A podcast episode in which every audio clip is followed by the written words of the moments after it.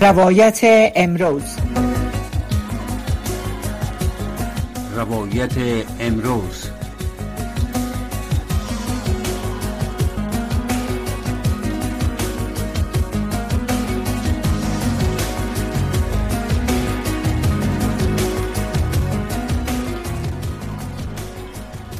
برز سلام وقت بخیر دوستای عزیز شنونده خوش آمدید به برنامه روایت امروز که به میزبانی من سهر عظیمی برای شما تقدیم میشم.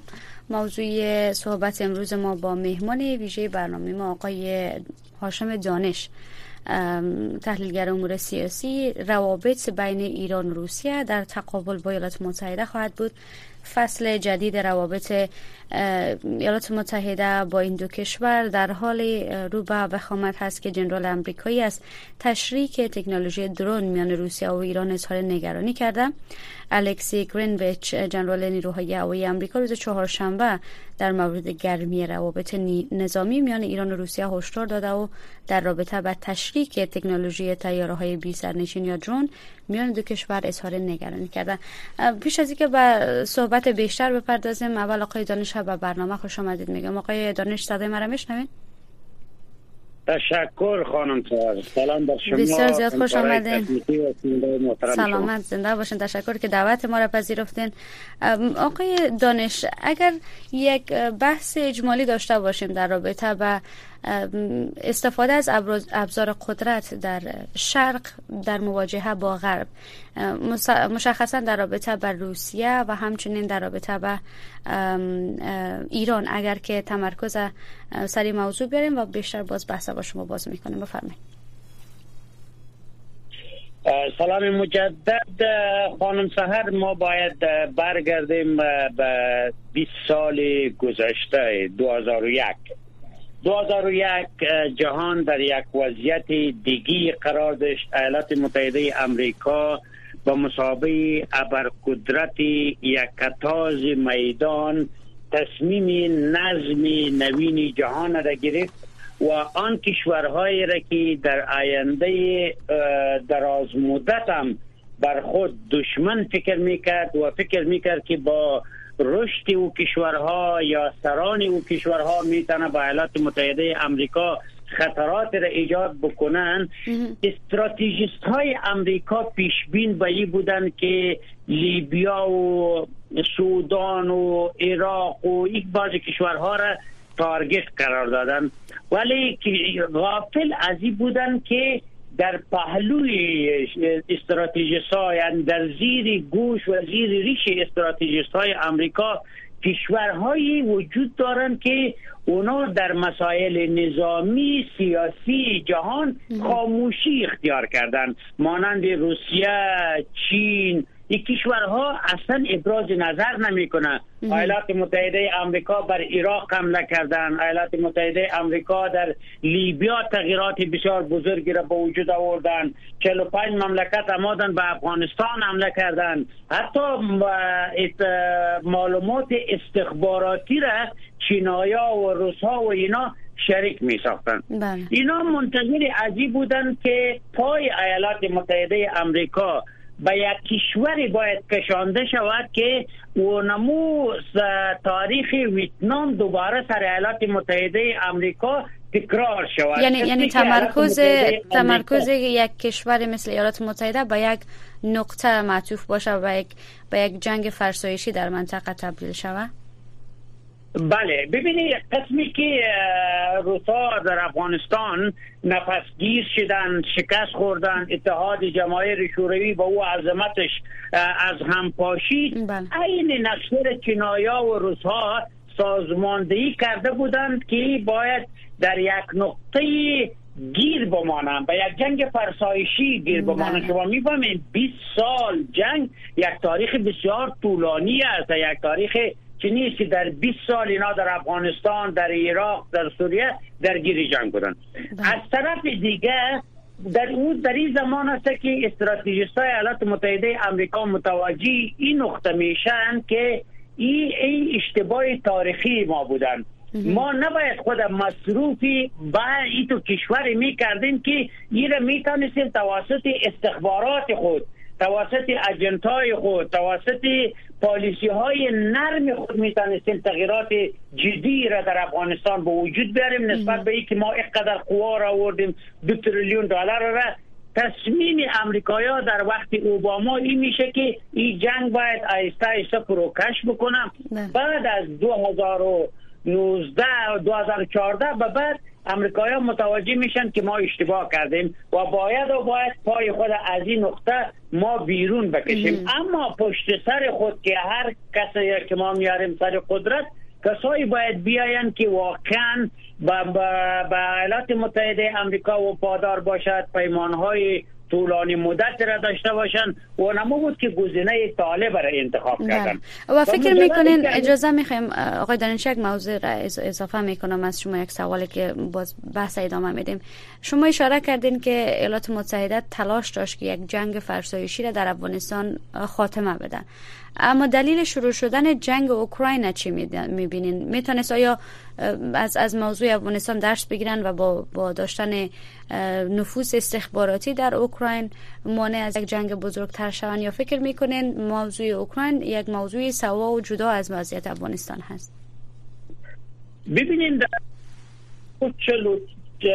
اواخر چلوسی و اوایل چلو چار یک نشستی که در تهران صورت گرفت در زمان جنگ دوم جهانی بین روزولت چرچل و استالین در اونجا جهان تقسیم شده بود شما می‌فهمین که تا به آلمان غرب بله. مطلقا معلوم بود که مربوطی که ها هستند این کشورها و اینا این نامه را در ذهن ایالات متحده آمریکا بود ایالات متحده آمریکا بعد از پروپاشی اتحاد جماهیر شوروی عینا تا خط اوکراین رسیدن. تمام کشورهایی که مربوط بلوک شرق بود و طرف ناتو رفتن یا عضو افتخاری شدن یا عضو اصلی شدن یا پیمان را به اونا بستن. میم سر این موضوعی که یک دقیقه اگر بر ما اجازه بدیم ما به اوکراین میایم به موضوع اوکراین. وقتی که معضله افغانستان را اینا نقطه پایان میده بیرون که میشه اینا اضافه تر از دو سال پیش سر اوکراین یک برنامه را ایالات متحده امریکا پیاده کرده بود. زیر عنوان حکومتداری خوب در اوکراین اضافه تر از دو هزار جنرالا و نمایندای سیایی در اونجا کار می‌کردن و یک یگانه کسی هم که به قدرت رساندن زنلسکی و زور امی کس که در اونجا رفته بودن زنلسکی سر قدرت آمد.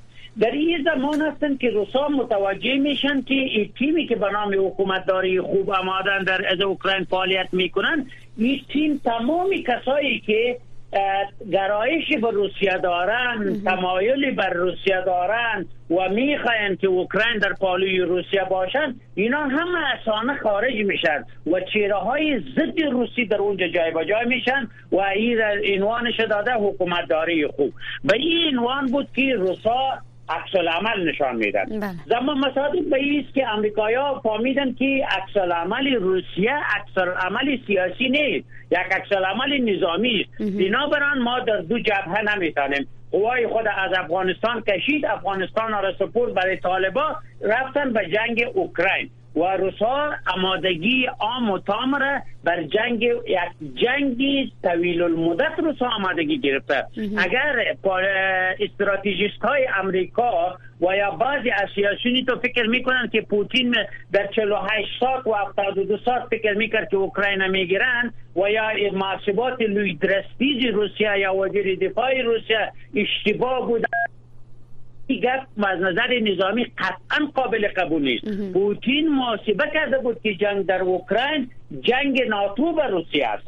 بله. این موضوع را هم به کشورهای افریقایی شریک کرده بوده هم به چین شریک کرده بود هم به ایران شریک کرده بوده و هم به سوریه و کشورهای اوزه خلیج. قبل از این روس چینایا برش اطمینان داده بود که ما یک پیمان به استراتژیکی 20 ساله را با چی با ایران امضا کردیم و چینایا اطمینان داده بود که ما کشورهای اوزه خلیج را به شمول عربستان سعودی را متقاعد می‌سازیم که از غرب روگردان شود. اینا سر یک پلان بزرگ اقتصادی به نام بریکس کار, کار را شروع کرده بودن که پاور اقتصادی امریکا را زیر سوال ببرد. بله. او زمان هستند که وارد جنگ اوکراین شدن جنگ فرسایشی در اوکراین پیلم که جریان داره جنگ بلوک شرق با بلوک غرب هستند یعنی جنگ ناتو به جنگ به جنگ است. ناتو یک طرف است. روس ها کره شمالی و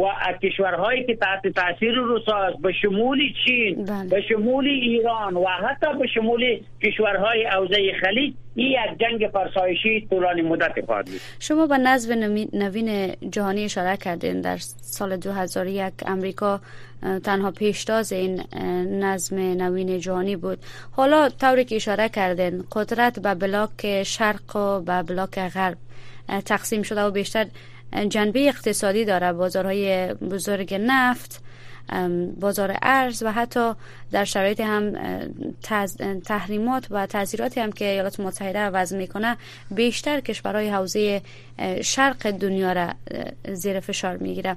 و نظر شما با شکلگیری کنفرانس بریکس که بیشتر کشورهای حوزه جنوبی کره زمین در بر می‌گیره فکر می‌کنین این طرح کارساز خواهد بود و اگر نتیجه دهد که نظم نوین جهانی به دو بلاک شرق و غرب تقسیم شود یا فکر می‌کنین که کارده خواهد بود در شرایط فعلی؟ ببینید من ای تو فکر می کنم که ایالات متحده امریکا در تقابل به اینمی طرح بریکس امریکایی بسیار تلاش می‌کنن که یک طرح دیجیتالی را جایگزینی از این موضوع بسازن و پول را از نظر فیزیکی در دنیا محو کنه و این یک پروژه طولانی مدت هستن. یعنی ای که وقتی که ارز دیجیتالی میشن قدرتش در یک مرکز قرار می‌گیرن. به طور مثال شما شاید میلیون دلار را داشته باشین ولی در کیف خود 100 دلار را هم ندارین. شما فقط در موبایلتان می‌بینید که یک میلیون دلار دارین. ولی احتمال از وجود دارن که مثلا بر شما لیمیت را تعیین کنه که از یک میلیون دلار شما روزانه 100 دلار می‌تونین مصرف کنین دیگهش نمی‌تونین. و همون لیمیت بر دنیا می‌تونن امریکایا تعیین بکنن و این ارز عمومی را امریکایا میخه در زیر تصرف خود داشته باشه که یک پروسه طولانی که ما امریکایا موافق میشن یعنی اما میایم بر فعلا. بر فعلا اگر ایالات متحده امریکا استراتیجیست های اقتصادی نظامی و سیاسیش تغییراتی بزرگی را به وجود نیاره در سیاست خود و یک کسی در امریکا نیایه روی کار که او واقعا بتانن اینمی اشتباهات گذشته امریکا را در حقیقت جمع بندی کنه و یک طرح نو پیش کنن. شما ببینید باور بکنین که امریکا در 2001 تا به 2014 و 15 و حتی تا 2017 توبه نعوذ بالله مردم امریکا را خدا فکر می‌کرد. ایتو فکر می‌کرد که امریکا اصلا اشتباه نمی‌کنه. امریکا هر آن چیزش سنجیده شده است. استراتیجیستا اینمی پنتاگون که میگه که پنج زولی که داره هر زلش یک قاره را در این متخصصین بسیار بزرگ. ولی وقتی که برآمدن جولانش از افغانستان و شامل شدن در یک جنگ فرسایشی اوکراین و اتوریته امریکا از نظر سیاسی و نظامی بعد از بیرون شدنش از افغانستان بسیار ضربه خورد دنیا به این نتیجه رسید که نه سیاسیون که تحلیل ما از امریکا غلط بوده. امریکایی ها هم می‌تونن اشتباهات بسیار بزرگی را بکنن. که مثل که همی حال لوی درستیز میگه ما اشتباه کردیم سناتورایش میگه ما اشتباه کردیم یا ترامپ میگه ما این کار نباید می‌کردیم. در حالی که بیرون شدن از افغانستان از اوباما شروع شد. تا ترامپ و تا تعقیبش تا بایدن. یعنی سه نفر شامل این پروسه است. اما در کمپین های انتخاباتیش تمام علا و بلا را به گردن بایدن میندازه بنابراین من معتقد به ایستم که اگر تغییراتی به وجود نیایه غرب بازنده است. یعنی امیل از که ما و شما صحبت می‌کنیم اگر با یک اقتصاددان که واقعا بتن قضایا را دقیق روزها با وصفی که در گیری جنگ هستند 3.7 فیصد رشد از نظر اقتصادی رشد بله. داشتن آلمان هیچ وارد جنگ نیستن ولی در قهر اقتصادی داخل میشن. یعنی آلمان را ما شما یک سال دو سال بعد به این وجه اگر تغییرات به وجود نیایه یک کسی مثل مرکل دیگی در آلمان نیایه آلمان و فرانسه به یک بحران اقتصادی روبرو میشه. و وقتی که اروپا به بحران اقتصادی روبرو میشه عاملش امریکا را می‌دانند. یعنی تو فکر می‌کنه که ما پیرو خط امریکا بودیم. امریکا ما رو به این مصیبت ها روبرو کرد که امروز وارد یک بحران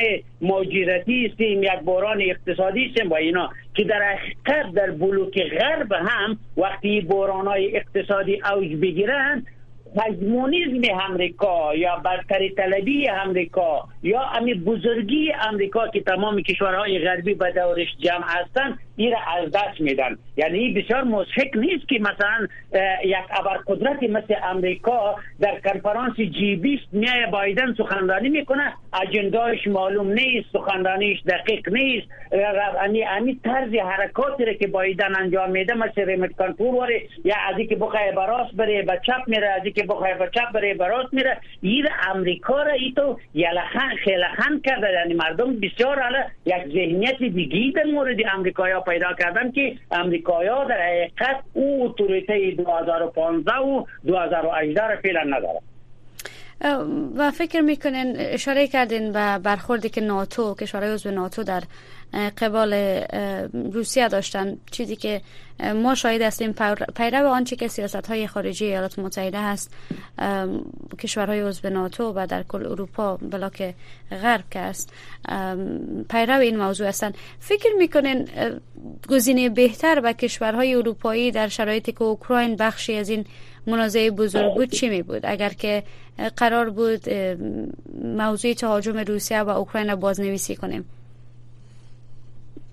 سوال دقیق متوجه نشده گفتم اگر که ما فرصتی را داشته باشیم که بازنویسی کنیم. همین تهاجمی که در در روسیه به مقابل اوکراین اتفاق افتاد. فکر می‌کنین گزینه بهتر به کشورهای اروپایی چی بود؟ به خاطر که فعلا کشورهای اروپایی چنانچه شما اشاره کردین اقتصاد بسیار متزلزلتر از آنچه که روسیه داره تجربه می‌کنن. و و مردم کشورهای اروپایی از آنچه که با اوکراین اتفاق افتاده خوشحال نیستن ولی از آنچه که به خودشان هم در حال حاضر اتفاق میفته خوشحال نیستن از منظر اقتصادی. فکر می‌کنن راه بهتر بر اروپا در موضوع جنگ روسیه و اوکراین چه می بود؟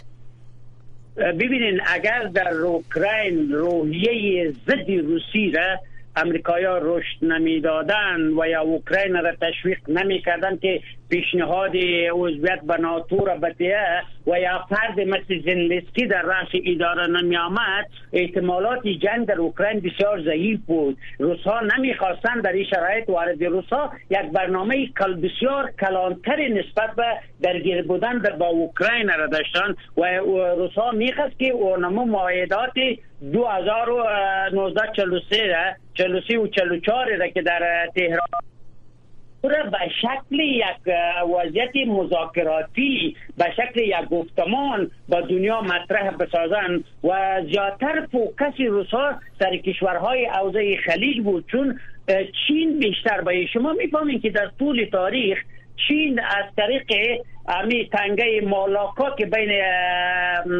چیه سنگاپور و مالیزیا قرار دارن به خلیج فارس وصل است. تنگه مالاکا هر آن لحظه امریکایی می‌تونست برای چین ببنده چین در طول تاریخ بسیار تلاش کرد که بر خلیج فارس وصل شه و به کشورهای مختلف سرمایه گذاری کرد امریکایی ها مخالفت را برش وضع کرد. امی آل امی فرصت طلایی که وضعیت پاکستان وضعیت روسیه وضعیت افغانستان وصل شدنش یا مثلا محمد بن سلمان بخیزه بگویه که ما بر پنج سال آینده وهابیت را یعنی مفکوره وهابیت را ما ختم می‌کنم و ما اوضاع خلیج را یک نظم نوین را می سازم در اونجا این به این معنا نیست که تمایلش به غرب است. این تمایلش به شرق است. همین لحظه که ما خود صحبت می‌کنیم بشار الاسد در پیکنگ است. همین حال او در چین است. بشار الاسد رفته که ارزیابی بکنه که چگونه بتانه چین را به سرمایه گذاریاش به طرف سوریه بیاره و به خاطر باسازی و اینا بتانه در اونجا کار بکنه. به این لحاظ هستم که نظم جهان فعلا در حالت تغییر است. اعتقاد ما به است که ناتو وادار کردن روسیه یا کشاندن پای روسیه به جنگ در اوکراین از که ناتو و عضو کشورهای عضو ناتو منطقه را به دست بیارن متضرر شدن. حالا حتی اعتماد سر ناتو فعلا از بین رفته. به طور مثال در بین ناتو یک بحث وجود دارن که وقتی که تصمیم به تعرض گرفته میشه با کل کشورها شریک میشن. وقتی که تصمیم بر عقب نشینی گرفته میشه تنها ایالات متحده امریکا تصمیم می‌گیره. ولی بدنامیش به تمام ناتو برمیگردن که امیال طالبان میگه ما 45 مملکت را در در, در افغانستان شکست دادیم. بله. در حالی که تصمیم میشه ایالات متحده امریکا گرفته. بنابر آن یک سال یا دو سال آینده نظم جهان به نفع امریکا نیست.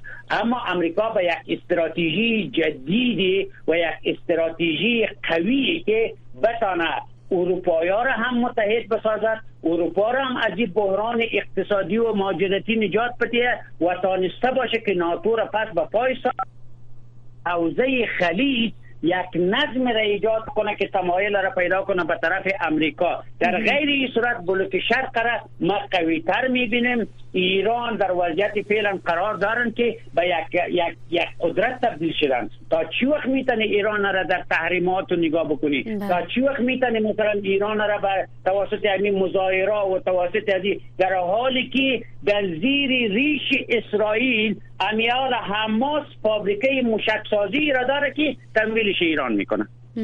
بله. اشاره داشتین به تقویت بلاک شرقی آیا فکر می‌کنین اتحاد و همچنین پیشرفتی که فعلا ما در بلوک شرق شاهد هستیم چقدر می‌تونه به نفع افغانستان باشه در حالی که طالبان با ایالات متحده پیمان بستن فکر می‌کنین با وضعیت افغانستان با شرایطی که هنوز پای ایالات متحده در افغانستان باز هست به چه صورت خواهد بود؟ ببینن این ایجاد ارتباط می‌گیره ای که وضعیت را چگونه می‌تونن مدیریت بکنند. امریکایا تا همین لحظه ای که ما شما صحبت می‌کنیم امریکایا معتقد به است که با آوردن طالبا هیچ نوع اشتباهی را نکردند. این پروژه موفق ترین پروژه است. افغانستان را یک حکومت مرکزی ساختن جزایر قدرت ختم شده استخبارات کشورهای دیگه ختم شدن و این کشورهای مثل چین روسیه و اینان قراردادهایی را که می‌کنن در حقیقت در پشت سرش یعنی در سیرینا مشاورین امریکایی ششته هستند تحت نظارت دارند این مسئله تا امریکا به این نتیجه نرسیدن که در مورد افغانستان اینا اشتباه کردن. ما یک بحث را داشتم و گفتم که شما یادداشت بگیرین اما قبول نکنین که اگر بگویم که بند کردن کانتون ها مکاتب دخترا کاری از اینا جزء از استراتژی و پلان امریکایی است نه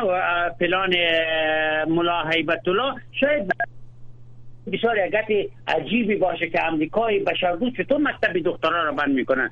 امریکایی خواستن که توقعی دنیا از طالبا بسیار پایین بیاید یعنی اگر در ابتدا مکاتب باز می بود پانتون ها باز می بود امریکایا بر اروپایا می گفت که طالبا را بر رسمیت بشناسین. می گفتن یک گروه تروریستی که ما 20 سال در مقابلش جنگیدیم و هیچ عنوانی را بر رسمیت به مسابقه یک در یک دولت نمی‌شناسیم. اما جز یک حکومت اگه اینا شوند یعنی یک حکومت موقت اینا ساخته شد طالب جز شود می‌شناسیم. اما آنقدر تبلیغات مطبوعاتی کردن در مورد خانم ها مکاتب سیستم سر خانم ها و اینا. اونجا نهادهای مدنی در کشورهای غربی آنقدر دولت های خود تحت فشار قرار دادن که اگر امروز دروازه مکتب و پانتون باز شود وزارت امور زنان فعال شود خانم ها را اجازه کار بده اینمی کشورهای غربی اتومات طالبا را به رسمیت می‌شناسند. او تاریخ 20 ساله خود فراموش می‌کنن بنان اینا سیاست های سنجیده شده غرب هستند که پله به پله در افغانستان پیاده می‌کنن هنوز هم افغانستان جغرافی است که نه به نفع چین است نه به نفع روسیه هنوز هم افغانستان جغرافی است که به نفع امریکا هستند و سیاست های امریکا در اینجا. ببینیم که در 2024 انتخاباتی را که در پیشرو در پاکستان داریم اگر امریکایا تا نیستند که حکومتی را در پاکستان تشکیل بده مثل حکومت های گذشته و یعنی واقعا حکومتی باشه که پیرو خط امریکا باشند در جنوری 2024 که تاریخ انتخابات پاکستان اعلان شد پاکستان با افغانستان یک جغرافیایی شود که تحت اثر امریکا باشند اتوریته و در حقیقت هجمونی امریکا در اینجا میمانند. من معتقد به ایستم که امریکایا در زیر نام ناتوی عربی که یا شاید از قطر یا از اینجا و آنجا به نام پروژه به نام مؤسسات یک مقدار پایگاه های نظامی را در افغانستان فعال می سازند اما نامش شاید نام دیگه بمانند یا پایگاه قطر بمانند یا پایگاه سعودی بمانند. اما نیروی نظامی امریکا و نیروی استخباراتی امریکا افغانستان حضور پیدا می‌کنند به خاطر که اسیای میانه ایران هند و چین اینا نتانه در این جغرافیا آزادانه بتانه فعالیت کنه. در غیر این صورت اگر همین دو کشور پاکستان و افغانستان در قلمرو امریکا قرار نگیره این جغرافیا با هم وصل میشه. شرق به یک قدرت بسیار قوی که هم نفت در خدمت داره هم معادن در خدمت داره هم تسلیحات در خدمت داره هم نیروی جوان بشری را در خدمت دارن. می‌تونه به یک قدرت بسیار بزرگی تبدیل شود که در او زمان باز قطر و امارات هم به درد امریکا نخواهد بخوره و مسیر از این کشورها هم به این طرف تغییر خواهد خورد و اختلافات بسیار بزرگ بین اروپا و امریکا به وجود خواهد آمد که اونا درگیر او اختلافات خواهد شد. شرق یک, یک قدرت خواهد شد که در نظم آینده جهان تصمیم گیرنده اولی کشورها خواهد بود. سپاس فرمان ممنون از شما جناب آقای هاشم دانش که در برنامه فرصت گذاشتین و صحبت کردین بحث امروز ما در رابطه با سیاست های خارجی روسیه و ایران در تقابل با ایالات متحده بود. بحث ما به طرف نظم نوین جهانی و آنچه در بلاک شرق و بلاک غرب ما شاهدش هستیم کشیده شد. اگر برای جنبندی یک جمله از شما بشنویم جناب آقای دانش که در وضعیتی که پیش آمده با توجه به مواردی که شما اشاره کردین در سیاست خارجی ایالات متحده فکر می‌کنین شانس ای که بلاک شرق در مقابل بلاک غرب برنده میدان باشد تا چند سال آینده چند درصد خواهد بود به نظر شما؟ ارتباط می‌گیرن بر اگر امریکا به امی وضعیتی که فعلا قرار دارن و امی استراتژیستایش باشد اینمی رهبرایش باشد 70 فیصد چانس شرق بالاتر است. یعنی یعنی 70 فیصد امکان دارد که دنیا در گروی شرق بیفته. اگر امریکا به یک تغییر جهیشی در استراتژیست های خود و سیاست های خود و در رهبری به وجود خواهد آورد و اختلافات بین اروپا و امریکا حل شو حل خواهد شود و بحرانی که در اروپا فعلا بحران اقتصادی که دامنگیرش هست تا نیستن رای حل را پیدا بکنه با شمول ازی که به توافق به حوزه خلیج برسن احتمال عزیز که با ایالات متحده امریکا در موقعیت خود بمانند. ولی وضعیت فعلی که فعلا امریکا دو سال بعد ما برای گارانتی ختم میدن که امریکا در وضعیت فعلی قرار نداره. تصمیم گیرنده شرق است سپاس فروان ممنون از شما جناب آقای هاشم دانش که وقت گذاشتن در برنامه تشریف آوردن از تمام دوستای عزیز شنونده هم سپاسگزاری می‌کنم که با برنامه توجه کردن. همکارم فوزیه جان احسان و آقای ایوب خاورین در یک ساعت آینده برنامه استاس و غگ یا صدای شما را برای شما تقدیم می‌کنن. امیدوارم از هر کجای افغانستان که صدای ما را میشنوین در برنامه سهم بگیرین و گفتای خدا شریک بسازین. وقت خوش خدا نگهدار.